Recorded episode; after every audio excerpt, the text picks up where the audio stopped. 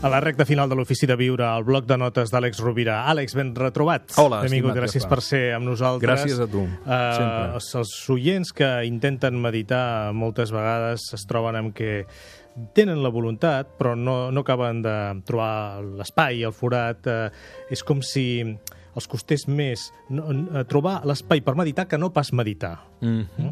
Tu creus que es pot fer alguna cosa, a part d'exercir la voluntat, la disciplina, per tal de meditar més?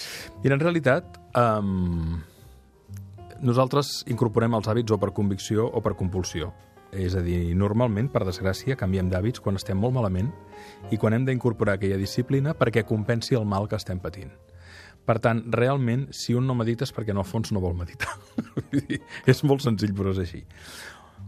Coses que ens poden ajudar és, si de vegades costa trobar, trobar, trobar l'espai, doncs jo he parlat amb molta gent que, que, que, que, que practica la meditació i que d'entrada els hi costava el fet de um, trobar un espai en el dia.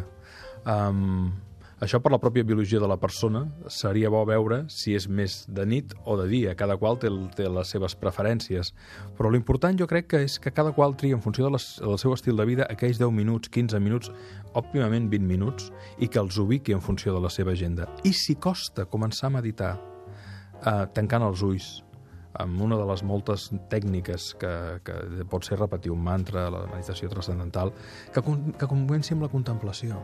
Hi ha una manera molt senzilla, i això almenys ho he observat amb la gent que estimo i que els costava començar a meditar, per exemple, la meditació a través de algo tan senzill com observar una espelma. Perquè de vegades el que frena és que al tancar els ulls el cap es dispara. Es dispara moltíssim. I els pensaments ens envaeixen. I la persona s'incomoda i no troba la posició. Pot ser l'observació d'una espelma, pot ser l'observació d'una- flor, pot ser l'observació d'una pintura, d'una fotografia bonica, pot ser, per suposat, l'observació d'un paisatge.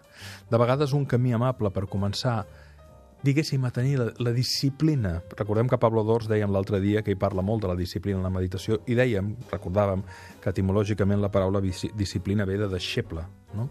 Doncs ser deixebles de nosaltres mateixos. I per tant, una manera molt interessant de començar a meditar és amb l'observació, amb els ulls oberts, de quelcom que focalitzi la nostra atenció. Aquelles persones que tenen la immensa fortuna a l'hivern de tenir una llar de foc, fixa't, Gaspar, que moltes vegades hi ha moltes persones que naturalment es queden embadalides. I adormides de, després. I adormides davant de la bras, de, de, del, del foc, veient-lo dansar, que és un espectacle meravellós, el batec del propi foc mentre va consumint l'alzina o el pi o el que sigui en la llar de foc. I, I jo convidaria a aquelles persones que tenen aquesta dificultat que comencin per activitats de meditació que els resultin plaents. No hem d'oblidar mai que no és un problema de voluntat, és un problema d'interès i de plaer. I que, per tant, l'interès ens ve per les dimensions més cognitives. Medito per trobar-me bé, per no viure tan estressat, per viure més relaxat, però també el plaer és important. I si de vegades repetir un mantra et resulta avorrit, observa.